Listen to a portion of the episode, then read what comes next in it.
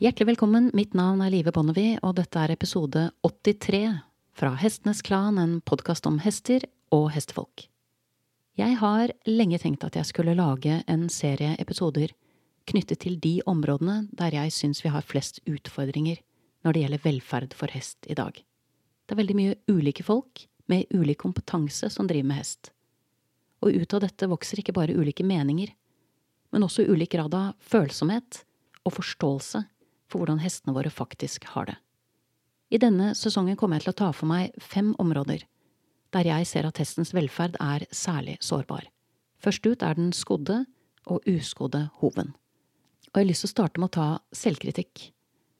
Min ambisjon bak denne podkasten har hele tiden vært å fokusere på nyansene av grått mellom svart og hvitt. Men akkurat når det gjelder hoven, så har jeg merket at nyansen har begynt å glippe litt for meg. Det er steile fronter på akkurat dette feltet, og det avler dessverre ikke annet enn steilere fronter. At jeg selv de siste 15–20 årene har sett mange smertepregede eller skadde hester som følge av manglende kunnskap på dette feltet, har opprørt meg, og det vokser som kjent sjelden noen god dialog ut av det heller. Og er det noe jeg har erfart at fremmer god velferd, så er det nettopp en åpen og god dialog. En slik dialog krever mer av oss, både som sendere og mottakere, fordi det blir flere nyanser å holde orden på men den gir oss også mer dybde og bredde i vår forståelse, både av sakskomplekset og av hverandre. Hvis vi bruker mauren som et bilde, og hver barnål den bærer med seg hjem, representerer en bit kunnskap, og tuen den bygger, representerer vår samlede kunnskap, så vil noen få maur her og der alltids kunne bygge sin egen lille tue, som de kan sette seg på toppen av og være både stolte over og fornøyde med. Men jeg tenker at det alltid er mer interessant å se hvor stor og solid tue vi klarer å bygge hvis vi bygger den sammen. Dagens gjest er veterinær Tone Wien.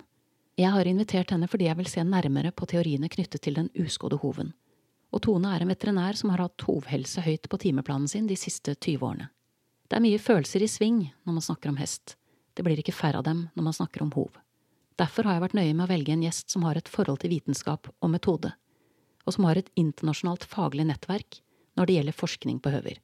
For skal man ha en velfungerende ridehest i normal bruk uten sko, så er det mer enn nok å sette seg inn i. Det er også mer enn nok å snakke om, skulle det vise seg. Samtalen Tone og jeg hadde varte i fem timer, og den halvtime du skal få høre nå, er det som vokste ut av mitt første spørsmål. Hesten er et stort dyr, med en kompleks anatomi og fysiologi.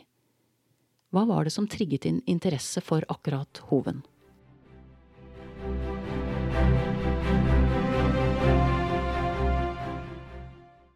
Grunnen til at jeg begynte med akkurat høver, var fordi jeg hadde en god venninne, hvor hun og mannen hennes de hadde en hest som ble dønn for fangen.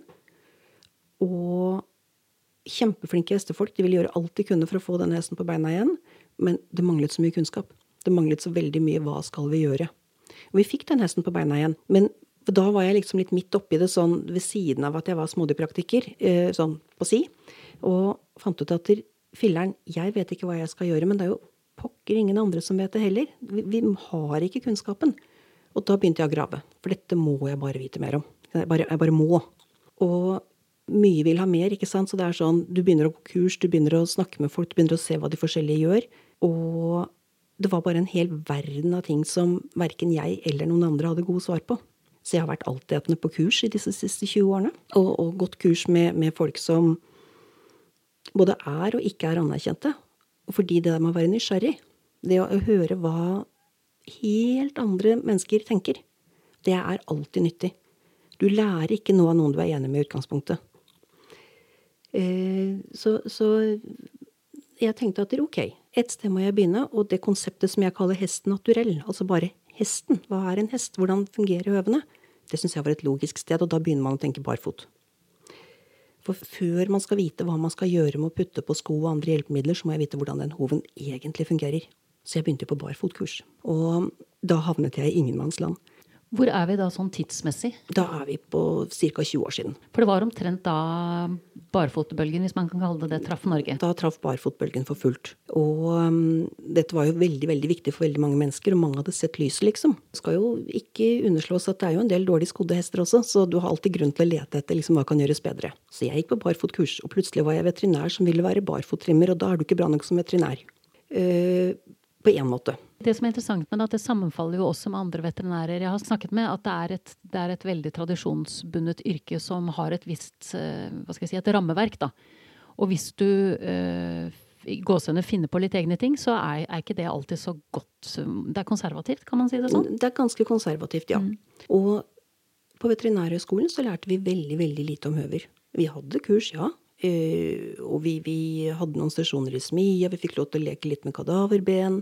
Og det var egentlig det. Og så fikk vi beskjed når vi gikk ut, at hvis vi noen gang kom borti hester med hovedproblemer, så skulle vi bare skaffe oss samarbeid med en dyktig hovslager, og så løste de problemet. Og Da står man der da og kan egentlig ingenting. Og i den tiden så hadde vi ikke internett, så jeg hadde hyllemeter på hyllemeter med bøker. Og en av de første tingene jeg fant ut, var når denne her forfangende hesten skulle opp på bena igjen, så sa eieren at nå må vi få den ut og gå. Men skal vi kile hælene opp, eller skal vi verke de ned? Jeg hører begge deler. Og så sa jeg at jeg vet faktisk ikke. Vi lærte på høyskolen at man skulle kile opp, men jeg skal sjekke. Så tok jeg med meg, gikk ned i kjelleren og hentet hele hyllemeteren med hestebøker og, og papirer, og la alt sammen på kjøkkenbordet ved en stor kanne med kaffe eller te eller et eller annet, og begynte å slå opp. Og forfangenhet er så viktig fordi når vi ikke fikser det, så, så er det en um, Altså, vi sa at det var den den lidelsen som nest etter kolikk førte til flest avlivinger. Så alle bøker, alle notater, hadde et par ord om forfangenhet. Så jeg slo opp på forfangenhet. Jeg fant den overalt. Og dette her med å kile opp eller verke ned, der, det var det jeg så etter akkurat da. Der la jeg alle bøkene og notatene i to bunker på kjøkkenbordet. Tok en hel ettermiddag. og så talte jeg opp. Altså en bunke for å kile opp og en bunke for å kile ned? Helt riktig. Én bunke for å kile opp og én bunke. Helt konkret. Og så ringte jeg tilbake til eieren og sa hælene skal ned. Det er flertallsavgjørelse på kjøkkenbordet mitt, vi tar de ned. Det har jeg gjort siden, og det virker. Men Veterinærhøgskolen, selv om det var der jeg hadde fått alle notatene og bøkene fra, de lærte bort kile opp. Og det tror jeg de fortsatt gjør, eller i hvert fall har gjort til, til veldig nylig. De, de, er fortsatt ikke oppdatert på forfangenhet. Men der har det også vært stor bevegelse de siste 20 årene i forhold til vår forståelse av det òg, har det ikke det? Jo, det har vært det. Fordi det var jo etter at jeg begynte å være interessert, at eh, Chris Pollitt og, og teamet hans via mange krumspring selvfølgelig klarte å sette fingeren på hva det er som utløser forfangenhet i de fleste tilfellene. Så sånn sett så er det ny kunnskap, men vi har jo hatt den i hvert fall i 15 år. Og fortsatt så er det et stort antall veterinærer som ikke har fått det med seg fordi de fikk det ikke med seg fra tiden de gikk på høyskolen. Og så må du være spesielt interessert i det du holder på med for å grave ned i det, og høver er en liten bit for de aller fleste. Og vil kanskje også en del av dem fortsatt lene seg til at uh, under kronrana så kan man snakke med hovslageren, eller? Uh, ja. Og det er jo ikke noe rart, fordi det er jo hovslageren som skal jobbe med høvene. Men høvene er også på en merkelig måte et sånn krysningspunkt mellom veterinær og hovslager, ikke sant? Fordi veterinærene sitter på teorien, på anatomikunnskapen i større grad, på forståelsen av patologiske forandringer. Hovslageren er praktikeren som kan gjøre det, og som skal kunne gjøre det en gang for lenge lenge siden så var det jo ett yrke. Det var, var hovslagere som var hestefolk, og så var det de igjen som faktisk lagde en veterinærutdannelse. Men så har vi gått i hver vår retning. Så de som ble veterinærer, de, de ble akademikere. De ble forskere. I større grad. Men det er veldig lite forskning på høver i forhold til resten av hesten. Veldig lite forskningsbasert, veldig mye. Sånn har vi alltid gjort det. Eh, hovslagerne de har et eh, verneverdig håndverksyrke som de er stolte av. Noen av dem er kjempeflinke andre ikke så flinke, må vi bare innrømme. Er det ikke sånn med alle fag, holdt jeg på å si? Om du trimmer hest eller lager film eller Altså, det vil alltid være noen som kan et fag godt, og noen som kan det mindre godt. Ikke sant? Og så kan du plukke ut og si at, at du har sett noen har barfottrimmet en hest helt i stykker så den ikke kan gå etterpå. Så sier du at barfot er et forferdelig oppfinnelse. Det er jo ikke det. Det er bare at du skal ikke gjøre hesten ødelagte og sårbeinte. Og i motsatt ende, tenker jeg også. Altså at oss hester som er skodd forferdelig dårlig. Veldig, og tenker at det er Satans verk. Så dette, det, vi vet jo det. Det går begge veier. Det går begge veier. Men den der dialogen i midten her, da, hvor, hvor, alle egentlig skal være flinke fagfolk og stole på seg selv og sitte på sin tue, og så kommer det noen andre og pirker på den jobben du gjør. Eh, veldig mange hovslagere syns selvfølgelig det er ubehagelig når det kommer veterinærer som har mindre praktisk erfaring, og begynner å fortelle dem hvordan de skal sko en hest. Det, det er, det er ikke, ikke lett å forholde seg til. Og det skjønner jeg. For de fleste veterinære har en idé om hva de vil oppnå, men de har ingen utdannelse i hvordan de skal få det til. Så liksom sånn du, du, Den ideelle delen der er at veterinæren skal stille en diagnose. Hovslageren skal gjøre jobben, og ingen skal blande seg mer opp i hverandre. Men, men det er jo endring i det. Vi ser jo stadig vekk at flere og flere arbeider som team. Særlig i utlandet, utenfor Norge. Norge er lite. Vi har få, få hester, vi har få hovslagere, vi har få hesteveterinærer i forhold til hvis du bare kommer deg ut i den store, vide verden. Jeg er veldig opptatt om at aldri skal ri prinsipper, for det er alltid hesten som er fasiten. Jeg er også litt opptatt av at man ikke deler det inn i skohester og barfothester. Fordi det blir så feil inndeling. En hest er en hest.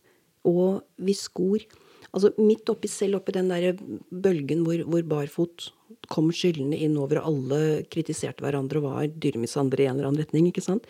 Så sa det masse flinke ordslagere at ja, men hestene hjemme, de går uten sko. De trengte ikke sko, men de var skoløse.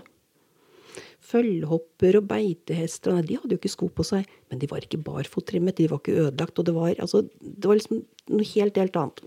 Og så tenker jeg at noe av poenget Jeg sluttet forresten å si barfot. Jeg, jeg, jeg sier av prinsipp en uskodd hest. Fordi du har en hest med sko eller uten sko. Og så sier vi at vi skor av en grunn. Og det er grunner til å sko hester. Når hesten sliter høvene mer enn de vokser, og blir sårbeint, så skal de ha beskyttelse. Eller de skal tas ut av det miljøet hvor de sliter beina mye. ikke sant? Vi må gjøre noe. Sko er beskyttelse. Hvis de trenger feste på holka, brodder f.eks., så sko vi gjerne med brodder. Fordi det er lettvint, og det er en sikker og grei måte å ordne det på. Så vi skor for å få feste på underlaget.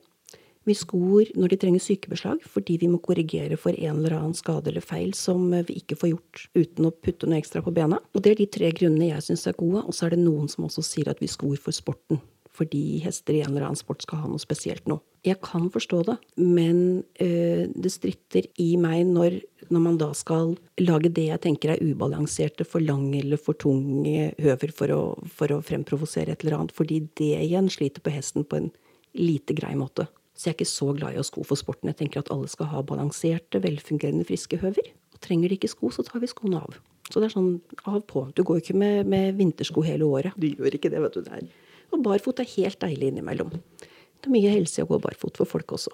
Innimellom. Ja, for jeg tenker jo det noen ganger at vi går jo også med sko, selv om vi har stor glede av å gå uten sko som folk. Ja. Kan du komme med noen betraktninger på hva du tenker at vi Hva skal jeg si grunner til sko er jo, Da kan man jo se noen av de tingene man vinner med å sette på sko. Men det er både interessant å se på hva man taper på å sette på sko.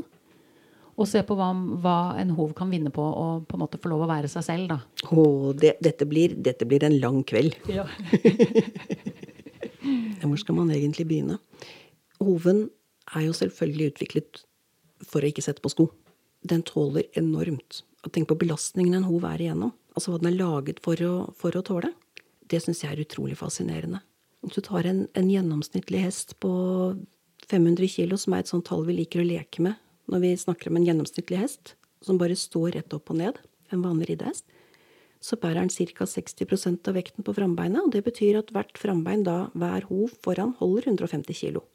Allerede der syns jeg det er mye å klemme ned, for du legger ikke hånda di under og dytter 150 kilo opp. Når den hesten begynner å bevege seg, bare det å gå framover og løfte det ene benet og skli over det andre, så bærer de halvparten av vekten sin, altså 250 kilo. Og det er bare å skli fram i skritt. Når de kommer opp i trav, så belastes hvert frambein med fra 1,2 til 1,5 ganger vekta. Og da er vi jo oppe i 750 eh, kilo. Det er ganske mye. Og da er vi fortsatt bare i trav? Og da er vi fortsatt bare i trav. Så når vi kommer opp i galopp og er på over to ganger eh, vekta, så eh, er hvert Altså de, de frambeina som da går i bakken, de skal ta imot over et tonn. Det er enorme krefter. Hvis, hvis, du, hvis du går ned igjen til trav og tenker bare trav og bevegelse En rask travhest løper ganske mange kilometer i timen. Og denne her ene hoven, da, som er stemplet ned i bakken med 750 kilo. Der står den stille og så går hestekroppen forbi i si 30-40 km i timen. Så kan den hesten ta av, akselerere fram forbi hesten i raskere tempo. Så skal den bråstoppe igjen. Den smeller i bakken. Det første vi får, er en sjokkbølge. Ganske intens innimellom. Og så får vi full vektbelastning. Stemples ned med nye 750 kg. Og så bare den der akselerasjonen, deselerasjonen, hva som skjer med innmaten i en hov når den skal slynges fram og bråstoppe. Stemples ned igjen, og så begynner det helt på nytt. Flere ganger i sekundet. Det er enorme krefter. Og det tåler de. De er konstruert for å tåle sånn ca. halvannen gang normal maksbelastning. Så begynner det å gå i stykker. Og de fleste skadene som skjer i høver og hestebein ellers, altså ledd, sene, ligamenter, er ikke egentlig akutte skader. Det er tretthetsbrudd. Det er feilbelastning over tid. Så hvis vi, hvis vi feilskorer en hest, lager den ubalansert, gjør at den f.eks. er Bare det å være litt sideskeiv og, og, slenge beinet, altså lande på den ene siden av hoven og smelle ned andre, den der lille vridningen der, i hvert eneste skritt, så forplanter det seg. Så jeg pleier å være litt flåsete og si at 80% av alle de haltetende hester har, kommer fra høvene. Selvfølgelig så treffer jeg jo helt veterinærer som jobber bare med tenner, og som sier at 80% av haltetene kommer fra tennene, så det Da har vi ennå ikke begynt å snakke om de som fokuserer på rygg og lend. Nei, ikke sant. Så vi, vi ser jo det Det er mye krefter. Veldig, veldig mye krefter. Så det å neglisjere det og si at ja, ja, og så setter vi på noen sko. Det går sikkert bra. Da, da kjenner jeg at nei, nei, nei, nei. nei. Vi må gjøre dette riktig. Vi har ikke veldig veldig mye forskning på øver, som jeg sa, fordi hovslagere har ikke vært forskere. De har vært praktikere. Kjempeflinke, men, men det å faktisk få noe vitenskapelig gått gjennom og dokumentert til noe reproduserbar, publiserbar forskning, det syns jo veterinæren inni meg er veldig ålreit. Jeg føler meg liksom veldig mye tryggere på det. Og vi har etter hvert en del forskning som sier hvor mye skade, hvor mye krefter, hva vi får til. Så det å implementere det i homestell, det brenner jeg for. Og der er vi inne på, på noe som mange kanskje kan gjøre litt narr av, som går på vinkler og sånn. Men der har vi faktisk forskning som sier at det er viktig. Og da tenker jeg at det er mye viktigere å få en hov i riktig balanse, slik at sener og ledd og alt som Altså hele beinet oppover tar imot den kraften på en god måte. Det er der vi gjør mest feil, det er der vi kan gjøre mest riktig. Og om man setter på eller ikke setter på en sko på bånd, det, det, er sekundært. Så selve møtepunktet med bakken, mm. hvordan det forplanter seg oppover i systemet i forhold til hvordan, altså, hvor skjevt eller hvor rett eller hvor riktig i forhold til benstrukturen det ja. nedslaget er, det er det som vil i størst grad holde hesten frisk. Ja. For det er jo en av de tingene som, man, som jeg husker at jeg stilte spørsmål ved når jeg selv hadde en hest uten sko. Det er jo hvor mye mer støt oppover blir det når det er en jernsko under. Mm -hmm. For jeg ser jo at hele organismen til hesten er jo på en måte designet for å minimere belastningen oppover i systemet. Det er mange fjæringsmuligheter i hestens bein både foran og bak. Men hoven har jo en mulighet til å utvide seg når den ikke er skodd. Og hvor mye utvider den seg når den blir skodd? Og hvor mye hardere blir det når det er jern under? Ja. Det husker jeg, det var de tankene og, som jeg også diskuterte med den som trimmet min hest den gangen.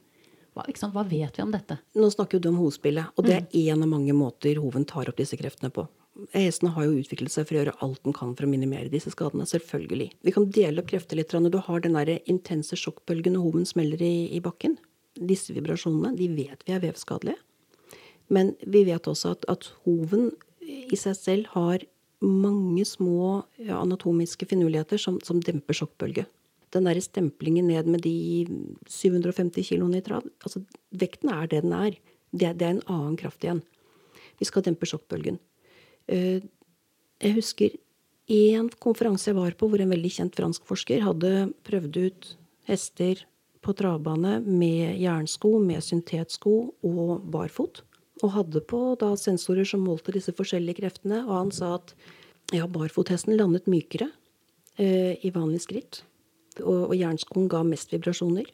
Men når den hesten kom opp i full løpsfart, så var ikke de forskjellene målbare lenger. Da hadde du mye større um, Da betydde det mye mer om banen var nysladda og fin eller ikke.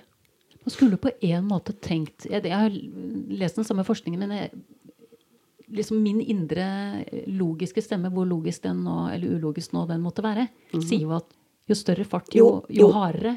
Ja, det gjør det jo. Men, men, da er det farten og trykket. Da er det den der om, du, om hesten skritter eller går eller traver eller galopperer. Da er det jo det som gir den trykkforskjellen. Og der spiller jo ikke sko eller ikke sko så stor rolle. Altså Hvis den traver og planter ned 750 kilo, så er det 750 kilo. Går den over i galopp, så er vi jo på over et tonn. For ikke å snakke om spranghester. Med eller uten sko. Sjokkbølger de sprer seg Hvis du banker på en jernstang i ene enden av den, så får det jo samme, samme lyden og samme vibrasjonen ut i andre enden. Det forplanter seg hele veien. Det å dempe en sjokkbølge før den når skjelettet og går langt oppover, det, det har hoven flere mekanismer for å få til. Det meste av det går på blodårer. På nettverk med vener, hvor altså sånne venepleksuser, som vi kaller det, hvor blodet flyter fritt. Vener normalt sett har klaffer og skal liksom lede blodet bare tilbake igjen til hjertet, men i høvene så er det mange steder vi har nettverk med vener, hvor den flie flyten av blod gjør at du kan Det ene er at du kan fordele vekten fra den ene til den andre siden eh, veldig fint når du tråkker på noe skjevt eller ikke. Det andre er at en sjokkbølge som skal gå gjennom masse trange rør med væske, den dør ut. Du skal prøve å, å tømme veldig masse vann ut av ett stort åpent rør, så renner det veldig fort og fint. Hvis du tar en bunt med sugerør, riktignok med samme totale volumet, så går det kjempetregt med veldig små sugerør, fordi vannet henger fast på veggene. Denne, denne måten å ta opp sjokkbølger på, den bremser veldig, veldig mye av det. Eh, vi vet jo at vi har bedre eller dårligere blodfylde ut i hoven. Eh, at forskjellige ting påvirker det også. Og vi har én kjent forsker, eh, veldig kjent i barfotmiljøet også, en amerikansk eh, professor, som har vist med ultralyd med Doppler hvordan blodet hvordan kvaliteten på pulsen når blodet går inn i hoven, endrer seg når vi, når vi endrer forskjellige små ting. Som f.eks. å sette den hoven på det vi kaller ren randbelastning, altså at hesten står bare på veggen, ikke noe på undersiden. Hvis du da måler kvaliteten på pulsen, så er den hardere og mer støtvis, og blodet Altså med doppler, du kan jo se måten blodet beveger seg på. Det går raskt, og så stopper det. Så går det raskt, og så stopper det. Og den, den harde, støtvise pulsen, den vet vi klarer ikke å fordele blodet fint ut, slik at vi får en, en ordentlig god blodperfusjon i hele hoven. Det betyr ikke at hoven på noen som helst måte dør, ikke får blod, for blodet går jo gjennom, men det er måten det fylles på. Hvis du på den hoven med ren randbelastning legger noe under som bare stimulerer undersiden av sålen og strålen, det er veldig masse nerveender på undersiden av en hov, så får du umiddelbart en roligere puls. Helt sånn som å skru på knappen, og så roer pulsen seg ned. Altså pulsfrekvensen er jo den samme, for det har jo med, med hjerterytmen å gjøre. Men måten en sånn pulsbølge kommer som en myk bølge, den, den er målbar. Det er reproduserbart. Så bare for å prøve å nøste dette opp. Um, hva er det vi gjør da for å sikre at blodet blir så, hvis jeg kan bruke det ordet på det, mykt som mulig i hoven? Ja, Det er jo en måte å spørre på som er ganske fornuftig. Um, noe av det som er viktig, det er at selvfølgelig hoven er godt balansert. fordi hvis den er skeiv, flat, lang, steil, et eller annet, så påvirker det hvordan trykkforholdene inni hoven er, og hvor vi får bedre og dårligere blodforsyning. Mm. Uh, hoven er Altså, de krangler jo om prosentvis fram og tilbake hva som skal og ikke skal bære mest vekt. Skal det være veggen? Skal det være såle, stråle? Det er jo en plass hvor, hvor barfotfolket og, og hovslagere veldig ofte står litt som helt ute på hver sin side. Hvis man ikke har så sterkt forhold til komplekset her, hvor er det hovslagerne er, og hvor er det barfotfolket er i dette spørsmålet? For da jeg hadde barfottest, så var omkvedet at de skulle gå på sålen. At den skulle herdes. Ja. Jeg er ikke så veldig, veldig glad i denne herdingen. Men det er klart, eh, disse ørkenhestene du ser, som har helt nedslitte vegger, og som går på sånne pene, runde, mykt avrundede høver i alle retninger, de som klarer seg der, de har jo kompensert med å bygge en tjukk såle. Og det tilsvarer hvordan vi blir om sommeren hvis du går barfot hele sommeren. Så får du tjukkere såle. Fordi du får en irritasjon av lærhunden din og, og basalcellene, som da speeder opp produksjonen av hud eller horn. Horn er et hudprodukt. Så det, kan for så vidt herdes. Poenget er jo at det skal herdes fortere enn det, enn det slites ned. Og det skal ikke være vondt i mellomtiden. Vi kan, ikke, vi kan ikke hive en hest med tynn, tynn såle ut og ta bort veggen og si tut og kjør. Hesten klarer å gå på bare veggen. En hest med god såle klarer å gå på bare sålen, men de fleste vil ha vektfordeling på en, på en større del av det. Og høver er veldig forskjellige. Det er noen ting som er veldig standard, men, men du har hele spekteret der av god stråle, dårlig stråle, god uh, tjukkelse på sålen, solid vegg som, som, vokser rett ned og løfter hoven i stedet for å bare flyte ut i alle retninger. Så du må se an hesten. Men de fleste hester de vil jo ha en fordeling av vekten. Så det å ha en god stråle, at den skal få lov til å være med å bære vekten når hesten tråkker ned, ja. Hvis vi først snakker om strålen, så er det en annen ting som, som var omkvedet da barfotbølgen traff Norge, og som jeg også treffer folk i dag som sier. Og det er jo at den strålen fungerer som et ekstra hjerte. Som bidrar til å pumpe blodet rundt i hoven. Og hvis ikke den får lov å bli presset mot underlaget, så vil, vil da ikke dette hjertet fungere, og blodet vil ikke pumpes godt nok tilbake i kroppen. Og så vil det påvirke hesten som helhet. Indre organer, stoffskifte i verste fall. Det tror jeg er å dra teoriene veldig veldig langt. Er det ikke litt langt? Ja, det er veldig langt. Det er helt ute på vidden, egentlig. Hvis vi tar tak i det um, helt konkret mm -hmm. altså jeg, For jeg forstår det jo når jeg ser avtrykket av en barfothov, hvorfor den kan tenkes å være et hjerte. Ikke sant? For den er der midt i hoven og, og har omtrent den formen. Og det er en slags logikk synes jeg også i å tenke seg at den kunne være med på å pumpe. på en måte. Ja. Det som talte mot det for meg da jeg hadde barfottest selv, var at jeg tenkte at hvis den er et hjerte, og den er kritisk for kroppens funksjon, så er det en veldig rar plassering. Fordi mitt eget hjerte er jo plassert bak eh, bein og beskyttet. Så jeg ville tenkt at hvis det skulle hatt den funksjonen, så, så ville man jo ikke puttet, puttet, den der, har jeg tenkt. Nei, så jeg fikk det liksom aldri helt til å stemme helt. Skummel plassering. Ja. ja. altså det, det, strålen egentlig er eh, Over strålen så ligger balleputa. Den elastiske balleputa. Og det er tredeputa til hesten. Akkurat som når du ser på en, en hundelabb eller en kattelabb. Så sa du tredeputa? Tredeputa. Hvis du ser på en hund, så har den en, en eh, jeg ser for meg svart, for mine hunder har svarte, men du får den jo rosa også, eller hvit. Tredepute bak, under, under, hver tå. Og foran så har du kloa. Hesten går på den midterste tåa, eller den midterste fingeren. Det er ellers veldig veldig likt anatomisk. Men det hesten har gjort, er at den har, den har snegla seg opp til å gå liksom på tuppen av tåa, eller fingeren. Og så har neglen, i stedet for å bare være foran, det var den faktisk på urhestene i mye større grad, men den har, den har utviklet seg til å liksom omslutte hele fingerspissen. Slik at 3D-puta har havnet innenfor neglen. Så strålen, det som ligger over strålen, det er den elastiske balleputa, som er hestens tredepute. Og, og funksjonelt og, og, anatomisk, og hvis du ser på det mikroskop, så har det den samme oppbygningen som, eh, som andre tredeputer. Eller våre, f.eks. Ikke bare på dyr, da. Vi har, vi har det samme. Eh, den er bygget opp veldig støtdempende. Den har en utrolig kul konstruksjon med masse, masse lag med ligamentflak. Og mellom de ligamentflakene så ligger det drøssevis av små blodårer. Vi kaller det mikrokar. Det er ikke kapillærer, men det er veldig, veldig små kar og fri flyt. Og den beste måten å se for seg funksjonen på, er hvis du tenker deg sykkeldekk med slange og, og dekk utenpå. Eller, eller, slanger og bildekk. Hvor, hvor disse ligamentflakene blir jo da selvfølgelig dekkene, og blodårene blir som slangene inni. Dette er veldig spenstig. Det er som en, altså det er som en sprettball. Helt til du ødelegger den. Helt til den går i stykker. Så en god ballepute er jo det som da tar imot trykket, tar imot vekten, som er det hesten i stor grad står på. Du kan ødelegge den. Du kan slite den ut. Du kan trangsko og, og deformere høven i veldig, veldig stor grad. Men de, de, mister jo ikke beina av den grunn. Altså, det er ikke slik at du får redusert blodsirkulasjon i resten av beinet, og at du får nekrose.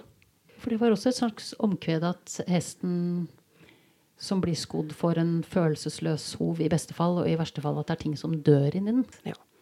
Hvis du har en veldig veldig feilskodd hest, og de har vi også alle sammen sett bilder av, så ser det helt grusomt ut. Men det skal mye til at den nekrotiserer og dør alt sammen. Når det gjelder følelsesløs, vel, eh, hoven har innmari mye nerveender. Altså, den er kjempespennende. Den, den, sanser veldig mange forskjellige ting.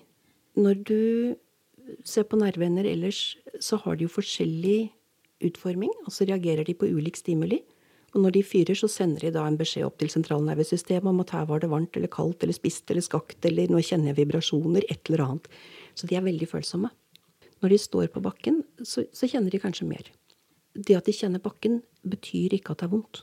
De kjenner andre ting enn smerte. Så det at du ser at en hest har lyst til å gå i grøftekanten i stedet for midt på veien Ja, det kan være at den syns det er litt ubehagelig midt på veien, men snu litt på det, så kan det jo like gjerne være at den akkurat som oss syns det er godt å gå der hvor det er mykt. For det kjenner den også.